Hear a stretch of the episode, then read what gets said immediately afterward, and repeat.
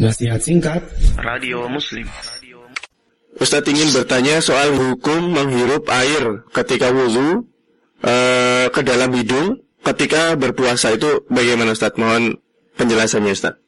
Baik, uh, al istisar wal istinsyaq jadi memasukkan air dalam hidung ya, kalau dalam bahasa wudhu itu adalah sekalian dalam mulut tapi ini dalam hidung maka kalau kemudian tidak sampai uh, menelan ya jadi kalau kita katakan kemarin dalam pertemuan yang sebelumnya terkait dengan masalah makan atau yang membatalkan itu adalah makan memasukkan sesuatu ke rongga ya atau ke lambung kita.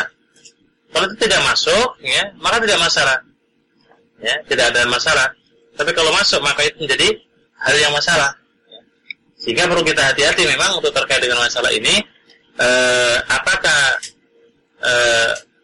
pelaksanaan istinsyar kita itu sesuai dan sudah tepat atau belum. Biasanya kalau sudah tepat insya Allah nggak sampai, tapi kalau tidak tepat terkadang terasa sakit dan memang eh, agak rasa-rasanya masuk. Ya.